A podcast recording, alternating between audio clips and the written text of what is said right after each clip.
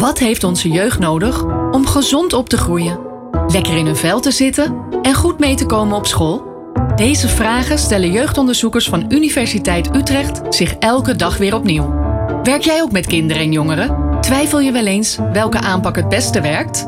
In de podcastserie Jong Geleerd delen we kennis uit de wetenschap die jou als professional kan helpen of inspireren.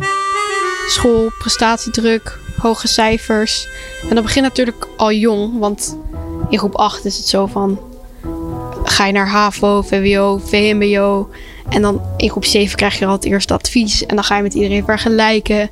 En dan heb je elke keer dat moment dat er op, je, op basis van je cijfers en natuurlijk een klein beetje je werkhouding, maar vooral je cijfers wordt beoordeeld wat je toekomst soort van gaat zijn of waar jij heen mag. Ik denk dat, dat iedere, iedere leerling, of in ieder geval het merendeel van de leerlingen van deze generatie, die, die ervaart een zekere druk om toch de wereld te redden. Of dat, dat klinkt misschien een beetje sterk, maar er is ons wel altijd bijgedragen van als jullie het niet doen, dan is het er klaar. Dan uh, lukt het niet meer.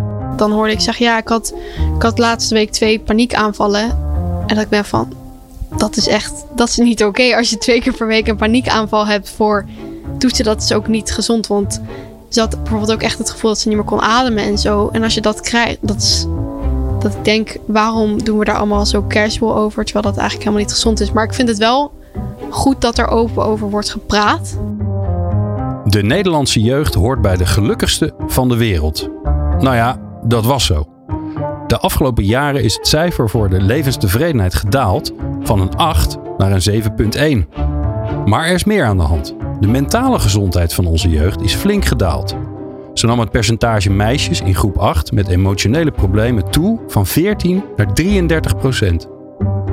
En is de ervaren druk door schoolwerk in het afgelopen jaren, in de afgelopen 20 jaar, verdrievoudigd. Alarmerende resultaten van de vierjaarlijkse Health Behavior in School Age Children onderzoek, oftewel het HBSC-onderzoek. Welke andere resultaten uit dit onderzoek zijn van belang voor jeugdprofessionals? Wat is er aan de hand met onze jeugd? Welke invloed heeft de coronapandemie gehad en wat kunnen we eraan doen? Te gast zijn Gonneke Stevens, jeugdonderzoeker van de Universiteit Utrecht en projectleider van het HBSC-onderzoek.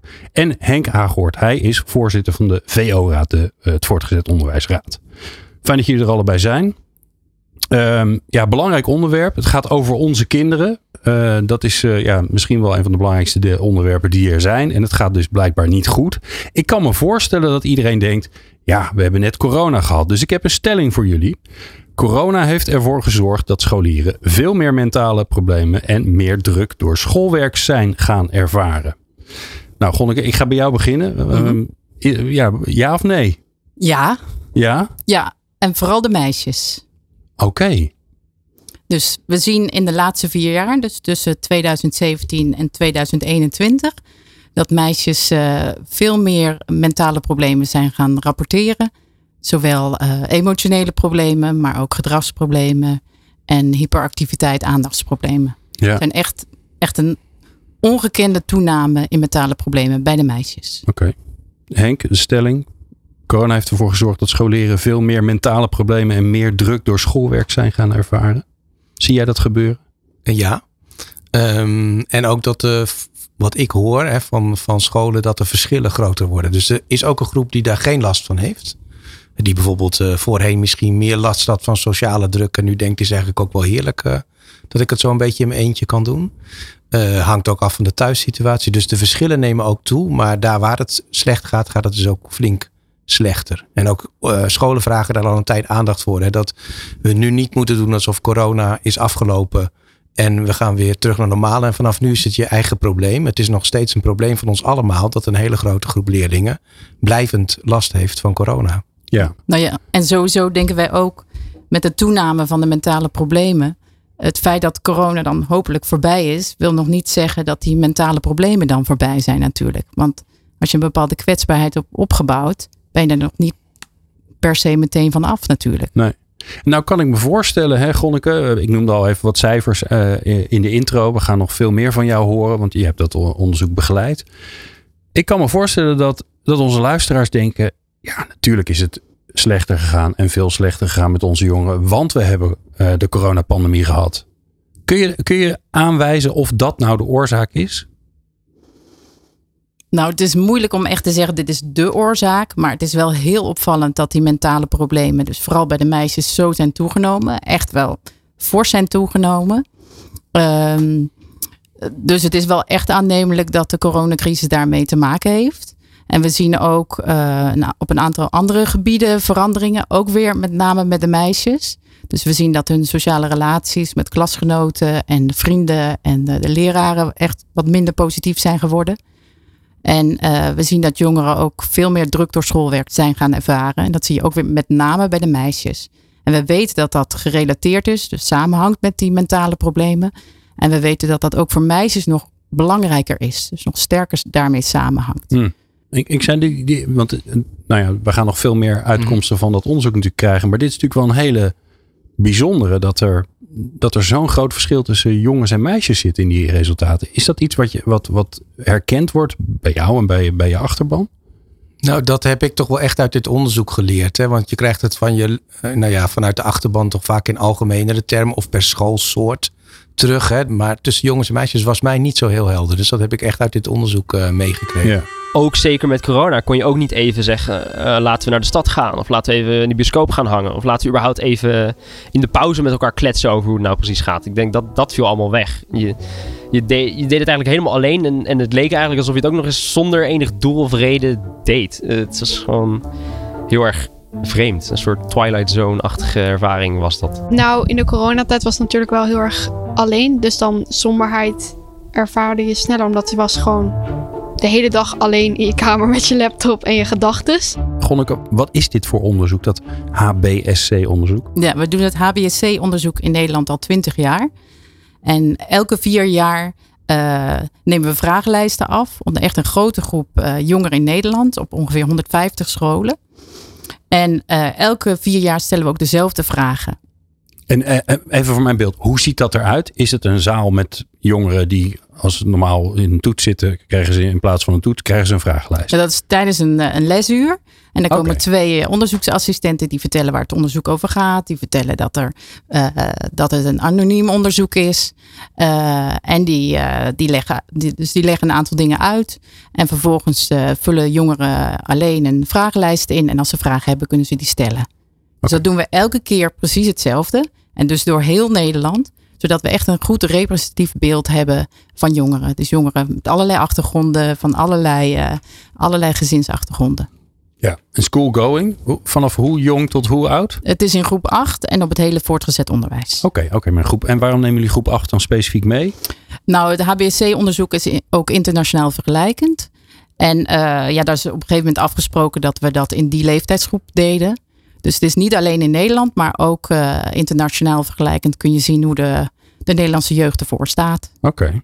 Dus maar door dat op elke elk meetmoment op dezelfde manier te doen, kun je ook heel goed zien wat er verandert en wat er niet verandert, maar ook wat de risicogroepen zijn. Dus we kijken heel systematisch naar jongens en meisjes, maar ook naar jongeren met een gezin, uh, verschillende gezinswelvaart, migratieachtergrond en de opleidingsniveau.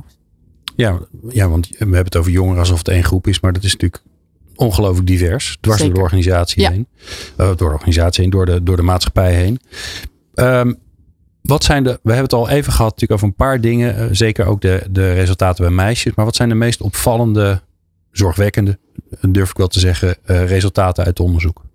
Nou, ik denk zeker wel dus die mentale problemen. Dat is echt, uh, staat op nummer één. Maar die toegenomen druk door schoolwerk is ook heel erg belangrijk. En eigenlijk zagen we al vanaf 2009 dat die druk door schoolwerk toenam.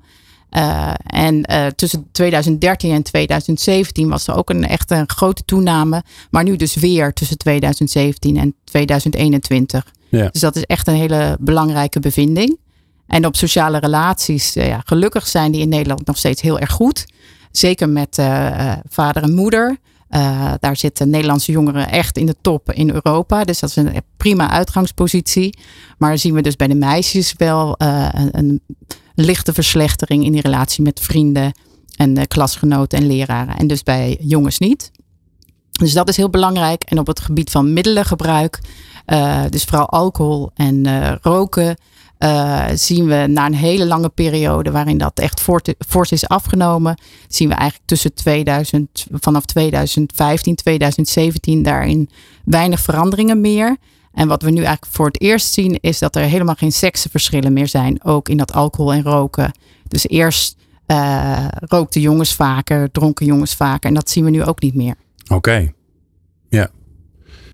Kun je dan, want dit zijn de. Ik, uh, waar zit dat dan? He, jongens- en meisjesverschil heb je al gemaakt, maar waar zit Mhm. het in de, in de grotere groep? Kun je nog een onderscheid maken naar uh, schooltype, uh, geografische plekken, uh, welke, welke sociale groep je toebehoort? Nou ja, we zien ja, we zien allerlei verschillen tussen groepen. Zo zien we bij jongeren op het VMBO dat daar vaker gepest wordt, bijvoorbeeld, dan op het VWO. Uh, maar er zijn natuurlijk heel veel verschillen. Uh, we zien dat jongeren die niet opgroeien bij beide ouders eigenlijk over de gehele linie een stuk ongunstiger scoren. Dus mentale problemen, maar ook op sociale relaties. Um, ja, dus er zijn allerlei verschillen tussen groepen. Ja. En dat is ook heel belangrijk. Ons onderzoek, uh, dat doen we vanuit de Universiteit Utrecht samen met het Trimbos Instituut en het uh, Sociaal en Cultureel Planbureau. Mhm. En het wordt gefinancierd door uh, VWS. En zij gebruiken ook die cijfers om te monitoren hoe het met de jeugd gaat. En ook om te kijken wat zijn de risicogroepen, ver veranderen die niet, die of niet. uh, om te, als input voor hun beleid. Ja. En, en um, die prestatiedruk, hè, dat is een, een langere trend die zou kunnen versterkt zijn door corona. Dat welbevinden is heel erg verbonden met corona. Heb je nou het idee dat dat ook als corona wel wat minder ac acuut zou worden, dat dat dan ook weer bijtrekt? Er zit er een soort weerbaarheid uh, dat je denkt, nou dat gaat dan wel weer, uh, wel weer beter. Of is dit een, een versterking van een trend die al was ingezet? voor die, wat betreft die druk door schoolwerk is het echt denk ik wel een, een, een trend die al heel duidelijk was ingezet. En waarvan je nu denkt, nou als dus het presteren steeds belangrijker wordt. En dan is er een periode waarin je ook er allerlei onderwijsachterstanden zijn. Ja, en je vindt dat zo belangrijk. Dan is het heel logisch dat die druk door schoolwerk weer verder toeneemt. Uh, dus dat zagen we al heel erg. Mentale problemen natuurlijk een stuk minder. Um, en ja, onze jeugd is ook wel heel weerbaar. En er zitten ook in die sociale relaties uh, zitten heel veel positieve aspecten. We zien ook dat er eigenlijk geen stijgingen zijn in uh, het percentage jongeren dat zegt gepest te worden, behalve online, maar in de schoolcontext niet. Dus ik denk dat er ook heel veel kracht ligt in de Nederlandse jeugd. Maar de grote vraag is natuurlijk: bouncen we vanzelf terug? Of niet? Ik denk dat we wel aan de bak moeten. En zeker denk ik, uh, wat betreft die druk door schoolwerk. Ja. Ik kan me voorstellen dat we daar echt wel een soort maatschappelijke veranderingen nodig hebben. Van, waarin iedereen nadenkt, ja, is het altijd nodig? Zo, zo hoog mogelijk cijfer. Uh, moet iedereen per se naar het VWO? Moet je niet toch met z'n allen beter kijken wat goed past uh, ja. bij het kind? Ik het denk is, dat wel, dat, ja. dat wel echt nodig is. Ja. Het is heel erg, uh, dat be, kwam nog eens op me af toen ik het onderzoek las. Dat het bevreemdend is dat er dan twee verhalen eigenlijk zijn. We hebben dit verhaal, de, de prestatiedruk uh, is aan het groeien en groeit. En ik denk ook dat dat een trend is die al was begonnen. En ik schrok van de verdrievoudigingen. En ik denk ook niet dat dat vanzelf weggaat. Nee. En daartegenover kun je ook geen krant open doen of het verhaal gaat over de kwaliteit van het onderwijs gaat omlaag. En er moet meer geleerd worden, beter geleerd worden, basisvaardigheden. Mm. En, uh, en die twee verhalen krijg ik ook niet gematcht. Maar ik herken dat die problematiek van die prestatiedruk zeker. Ja. Ik zie wel dat we in een systeem zitten. Um, wat, ook heel, wat ook scholen heel erg in de houding zet om, op die, ja, om druk uit te oefenen. Dus uh, de laatste 10, 20 jaar is de druk van het Centraal Schriftelijk Eindexamen toegenomen. Uh, de ruimte die scholen nemen voor eigen invulling van het schoolexamen is afgenomen. Uh, de inspectie hanteert een model wat helemaal inzet op snelheid van leerlingen in het systeem. Dus scholen worden afgerekend op hoe, hoe snel gaan ze. Gaan. Doorstroming. Ja, toch? Dat ja. zijn. Je hebt vier indicatoren, drie daarvan gaan over snelheid. En of je het advies wel haalt wat je van school had meegekregen. Dus er zit heel weinig. En dan kun je zeggen, dan moet de schoolleiding zelf verantwoordelijkheid nemen. Maar we weten allemaal hoe het gaat, want er komen lijstjes op internet. En dan wordt er vergeleken en dan gaan ouders met hun voeten stemmen. Dus het hele systeem staat in de houding van snelheid en presteren. En wij roepen al een tijdje, ook tegen de minister en de onderwijsinspectie. Ja, als je dit allemaal belangrijk vindt, dan hebben we ook andere indicatoren nodig. Dan kan het niet alleen maar zijn snelheid. Mhm. Ja, en dat klinkt een beetje als, eh, eh, ehm, als, een, als een fabriek die je harder wil laten lopen en eh, meer output wil laten eh, krijgen. Maar dat is niet wat docenten in natuurlijk hun over- hart willen. hè? Nee, maar dit gaat over onze kinderen, toch? Ja. Ja. Een 6,5 is echt prima. Voldoende is prima. En uiteindelijk, later wordt er ook niet zoveel naar je cijfers gekeken. Maar toch is het toch soms, als ik dan een 6 6,5 denk, oké, leuk, goed gedaan. Maar dan is iedereen, heeft iedereen beter dan ik. Of een 7, of net gewoon een 6,9. En dan ben ik zelf, is gewoon van nature al, dat ik denk van, ah, vind het wel jammer. Bijvoorbeeld mensen voor toetsweken. Die hebben dan een soort van een week, noem je dat dan, geen leven. Dus dan ga je gewoon een week lang leren. Maar daarna ben je wel eigenlijk mentaal helemaal gedraind. Omdat je een week lang alleen maar in, met, je, met je neus in een boek hebt gezeten. En niet gewoon even hebt eh, kunnen afspreken met vrienden en even gewoon hebt kunnen relaxen. En er wordt dan maar van je verwacht dat je dan in de kerstvakantie je bij gaat werken, zodat je dan in de januari weer mee kan ropen met de rest. En eh, dat gaat dan ten koste van je cijfers ook weer. En dat krijg je ook weer een soort spiraal naar beneden, omdat het dan slechter gaat en slechter gaat. En je, je achterstand wordt groter. En boem, het volgende leerjaar begint. Wat is het effect van het stijgen van die pre- prestatiedruk? Wat doet het met jongeren? Nou ja, het klopt wel dat ze in 2001 Nederlandse jongeren zich heel weinig zorgen maakten over hun schoolwerk. Toen was er bijna geen land waar, waar jongeren zich minder zorgen waar, eh, maakten. Dus daar komen we wel vandaan. Maar dat is nu wel, eh, dat percentage is verdrievoudigd. Dus het is nu wel echt een heel ander eh, verhaal. En het is vooral ook problematisch omdat het sterk samenhangt met allerlei mentale problemen. Dus, dus het hebben van veel druk door al het schoolwerk is gerelateerd aan meer emotionele problemen, minder tevredenheid over je leven bijvoorbeeld. En we weten volgens mij ook dat als je het leuk vindt, dat je beter leert. Dat is zo. Maar de, dat helpt. Ja, ja dat klopt. Maar ik denk ook, ehm, we weten natuurlijk ook dat in het Nederlandse onderwijs, zeker in het voortgezet onderwijs, die als je eenmaal in een leerroute zit, dat je er moeilijker uitkomt. Dus de ontspanning van het komt wel goed, je kan altijd nog switchen of stapelen. Ja, dat is minder geworden. En die druk zien, dat vertaalt zich erg, denk ik, naar ouders. Die denken als je na groep 8 niet aan de goede kant van de streep zit, ehm, dan heb je minder kansen later in je leven. Ja, er wordt te vroeg geselecteerd. Groep 8 is eigenlijk gewoon te vroeg.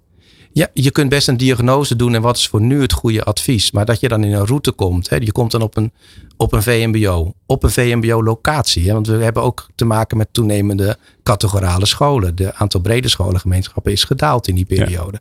Dus je zit op een, een VMBO-locatie. En dan is het veel minder makkelijk om eens even een vak aan een, in een andere schoolsoort te doen. Of, of die leerlingen langer bij elkaar te blijven zitten. Dan zit je op de HAVO-locatie en het gaat niet. Ja, dan is de stap om VMBO-TL te gaan doen. Dus opeens al je vriendjes loslaten naar een andere plek toe. Dat is zo'n enorme, nou als je het over welbevinden hebt. Terwijl als je dat in een brede scholengemeenschap hebt. En je zou dat ook nog per vakje niveau mogen eh, kiezen. Mhm. Eh, en je gaat dan pas op je vijftiende kijken wat wordt je definitieve spoor. Dat brengt ontspanning in het systeem. En dat hebben we nu niet. Dat is, dat is ook slechter geworden eigenlijk in die twintig jaar waar we het over hebben.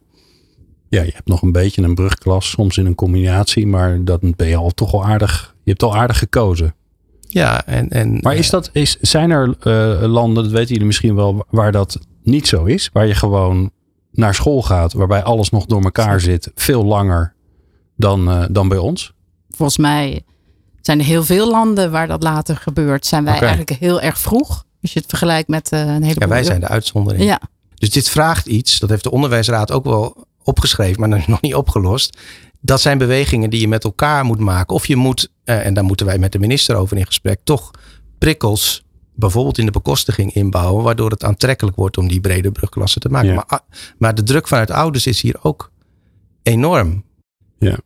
maar ja, de vraag is ook natuurlijk wel wat het beste voor je kind is, hè? Als ouder. Is het, is het beter om je kind net naar het VWO te doen, terwijl je weet dat hij, eh, hij of zij dan op zijn tenen loopt? Of is het misschien dan toch verstandig om te kijken, kan hij of zij niet naar de HAVO en, eh, en het daar wat ontspannender doen? En, nou, en daarna zien we wel weer. Nou, Gonneke, daar moest ik over denken. Hè? Want we hebben, het, we hebben het over de ouders. Ehm, ehm, relatie van eh, alle onderzochte jongeren met hun ouders is best goed gebleven, toch? Zeker. Ja, Ja. dus dat is mooi.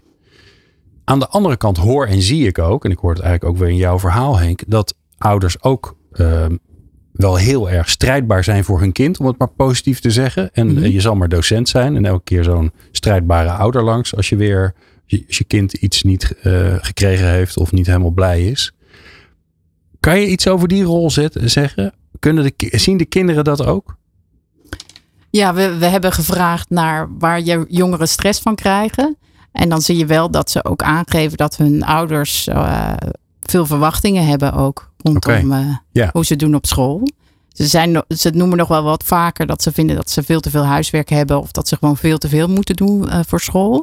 Maar die verwachtingen van ouders, die, die noemen ze ook. En neem alleen maar hoeveel VMBO-TL. hè, Want we hebben basiskader, GL en TL. Het is allemaal VMBO. Maar kijk maar eens hoeveel MAVO's er nog zijn. Die vastgeplakt Die zijn. noemen het gewoon nog MAVO. steeds MAVO. Die noemen Ja. het MAVO. Waarom? Omdat die ouders dan het gevoel hebben. Het is toch bijna de HAVO in plaats van het VMBO. Ja. Ja. Eh, vaak zitten die ook op aparte locaties. eh, weg van het gewone VMBO. En dat, dat vind ik niet goed. Dingen als toetsen en praktische opdrachten waar je cijfers voor krijgt en die onderdeel zijn van je schoksamen, dat, dat zie ik altijd meer als een persoonlijke uitdaging dan dat ik het voor iemand anders doe. Maar ik weet dat voor sommige mensen is het ook echt actief gekoppeld aan hun relatie met hun ouders. Bijvoorbeeld, heb ik toegang tot de, de computer die week om eh, dingen te doen die niet met school te maken hebben? En of eh, mag ik met vrienden afspreken? Of eh, hebben we dat diner? Dat heel veel, het, komt best wel veel voor dat, dat ouders dat echt letterlijk koppelen aan jouw prestaties. En dan zeggen ze gewoon, totdat je je gemiddelde boven de zes hangt, eh, gaan we dit niet meer doen. Vooral die cijfers en dat je ouders ook gewoon heel graag zo van... Ja, ik, heb je, wat heb je gehaald? En dan een vijf. Oh, wat is er misgegaan? Terwijl je dan hartstikke je best hebt gedaan. En dan zit je van, ja, maar ik weet het ook niet. Nou hoor ik heel veel grote dingen langskomen. Hè, het is het, eh, de manier waarop we het georganiseerd hebben. ehm, en dan denk ik, ehm, dat is jouw wereld. Ik, daar, daar heb jij werk te doen. Met natuurlijk alle professionals die zich ermee bezighouden met de politiek. Ik kan me ook voorstellen dat onze luisteraars die zelf docent zijn, denken ja, daar heb ik niet zoveel invloed op. Dus ik wil eigenlijk even de switch maken naar wat kan nou een professional eh, die vanuit zijn vak, vanuit zijn werk met, met jongeren bezig is, wat kan die hier nou mee? Dus wat is het, ja, wat, hoe kunnen ze helpen om dit vraagstuk, eh, die, die helaas vervelende cijfers die, eh, Mhm. die uit het onderzoek zijn gekomen, ja, om te zorgen dat, dat, eh, dat het straks weer minder is en dat, eh, ja, dat het weer beter gaat met onze jeugd. Ja, ik denk op het gebied van mentale gezondheid is natuurlijk duidelijk dat er wat moet gebeuren. En ik denk dat dat toch ook wel weer het onderwijs een rol in speelt. In die zin dat toch de vroege signalering van psychische problemen, dat, dat, eh, dat de school daar een belangrijke rol in kan spelen. Dat veel jongeren toch wel ergens neerleggen op school dat er wat speelt. Maar dan is het vervolgens natuurlijk belangrijk dat dat dan georganiseerd wordt. Want het is niet zo dat je dat als onderwijs allemaal kan aanpakken. En ook ja, als jij een docent bent en je hebt 40% van je meisjes heeft emotionele problemen. Ja, Ja. eh, dat is natuurlijk toch niet je core business. Dus het is belangrijk om dat ook in het onderwijs te organiseren. Je hebt dan natuurlijk eh, eh, schoolpsychologen bijvoorbeeld, maar die moeten ook samenwerken met de zorg in de buurt, eh, met de GGZ. Maar ja, dan moet je wel daar Ik terecht wou net kunnen. zeggen, die zijn al nogal eh, Ja, onderbezet. dus ik denk dat dat belangrijk is op het gebied van mentale gezondheid. En natuurlijk ook wat inzetten op, op sociale relaties bijvoorbeeld. Om dat en het welbevinden breed. Dus op zoveel mogelijk Ja, want jongeren. jij zei, daar zit, daar zit een relatie tussen. Hè? Dus ik, ik denk maar even simpel in een soort hefboompjes. Hè? Dus als, als de sociale relaties van vooral de, de meisjes, als die weer beter gaan worden, dan gaat het uiteindelijk ook weer een beetje beter met de mentale gezondheid. Ja, het- als, als eh, jongeren of mensen in het algemeen een goede relatie hebben met allerlei mensen om hen heen, is dat heel eh, is dat Ja. beschermend tegen eh, ontwikkeling van psychische problemen. Dus dat is sowieso heel erg belangrijk. Ja, en nou hoor ik Ja. de gemiddelde docent hoor ik dan nu denken, ja, ik wil dat echt wel. En ik zie ook dat het moet gebeuren, maar ik heb al zoveel op mijn bordje. Ja, Denk, maar wat zeg je dan tegen je? Ze? ehm, dat een docent niet alles zelf hoeft te doen en ook niet moet willen doen. Dat is best een spannende discussie met docenten. Ehm, ehm, in hoeverre laten we andere eh, eh, professies in de school toe en welke ruimte geven ze? En de meest succesvolle scholen op dit gebied, en, en laten we ook nog even gezegd hebben, er zijn nu middelen, hè, want de regering heeft wel heel veel middelen beschikbaar gesteld om uh, extra dingen te doen. Ook met, het oog op uh, welbevinden, het Nationaal Programma Onderwijs. En er worden echt mooie dingen gedaan. Er worden ook lessen geleerd. Uh, maar de beste, de beste voorbeelden komen van scholen waar um, zeg maar de professionele cultuur van de school goed ontwikkeld is. Dus dat men toch vooral ook heeft geleerd om vanuit teams te denken. En dan wordt ook de verbinding met de eerste lijn, tweede, derde lijn in de zorg. Hè. Ik ben was laatst nog bij een school. Daar, daar, daar, daar, is de jeugdzorg gewoon in de school. En de buurtwerkers, Hmm. zijn, jongerenwerkers zijn in de school. En die, hebben, die zijn voor de leerlingen heel bereikbaar. Maar dat, ja, dat vraagt dat ook het onderwijsteam wel als team opereert. Dus Ja. naarmate scholen nog meer zitten van... ja, ik, ik ben vakdocent Frans en ik wil dit er allemaal niet bij hebben... ja, dan gaat het niet werken. Terwijl als het een team is die zegt... natuurlijk geef ik Frans, maar ik signaleer... en ik weet waar ik dat moet neerleggen. En we hebben het er af en toe over in de vergaderingen die we hebben... ja, dan gaat dat beter. Maar dat heeft echt met schoolcultuur en professionele cultuur te maken. Ja, en wat ook nog belangrijk is, is denk ik dat er dat ook de school zo belangrijk is, omdat niet altijd de ouders die problemen bij hun kinderen kunnen identificeren.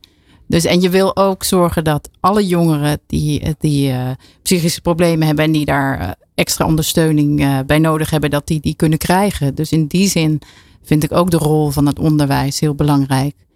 Waarmee ik natuurlijk niet wil zeggen dat dat dan allemaal de verantwoordelijkheid is en dat, van het onderwijs. En dat het onderwijs Ja. het allemaal op moet lossen. Maar het organiseren van zorg rondom die school is wel heel erg belangrijk. Maar eigenlijk, hè, want als je het, als je het onderwijs bijvoorbeeld plakt op een, op een sportvereniging of een, eh, eh, of een buurthuis, dan heb je eigenlijk, kun je hetzelfde verhaal hebben. Ja, het is een plek waar, waar jongen, jongeren bij elkaar komen en daar, daar kun je dus van betekenis zijn. Daar kun je het met ze in gesprek gaan of je kunt vragen of ze hulp nodig hebben. Of Maar dat is ook wel steeds meer het idee hoor. Dat, eh, dat er gewerkt wordt in de context van jongeren. En dat alle belangrijke plekken in het leven van het jongeren. Dat die een rol hebben in het ondersteunen. eh, Ja. eh, en het simuleren van hun welbevinden. Dus dat is zeker ook steeds meer eh, in nieuwe aanpakken het idee. Ik denk dat veel HAVO-VWO-scholen wat door corona ook wel wat geschrokken zijn. Van hé, er wordt opeens van mij iets gevraagd op dat trein van welbevinden en motivatie. Daar was ik nooit zo mee bezig, want ik geef hier gewoon wiskunde. En weet je, ze, eh, 90% haalt altijd het eindexamen. Dus ik heb niet zo'n probleem. En daar zijn hele andere vragen de school Hmm. binnengekomen. En ehm, nou, dat, dat kan ook best een gezonde wake-up call zijn. Om, om, om dat nog eens goed te beseffen. Dat dat gewoon een integraal onderdeel van je, van je rol Ja. is. Ja. Nee, in die zin hoop ik ook dat deze cijfers ook daaraan bijdragen. Dat we nu zien, nou, zo willen we het niet. Het gaat nu een kant op eh, die niet goed is. Ja. Eh, we moeten die, eh, die stijgingen mentale problemen stoppen. En, en, en hetzelfde geldt voor die stijging druk door schoolwerk. Dus dat geeft ook wel weer een soort. Nou, als iedereen het daarover eens is, kunnen we daar ook mee aan de slag, denk ik. Nou ben ik docent natuurkunde op de HAVO. Dat ben ik niet, want ik heb er totaal geen verstand van, van natuurkunde. Maar stel je voor dat ik dat ben. Ik luister naar deze podcast. Ik ben aan het einde, bijna aan het einde gekomen. En ik denk, ja, ik, ik voel dat ik ook best wel iets meer kan doen.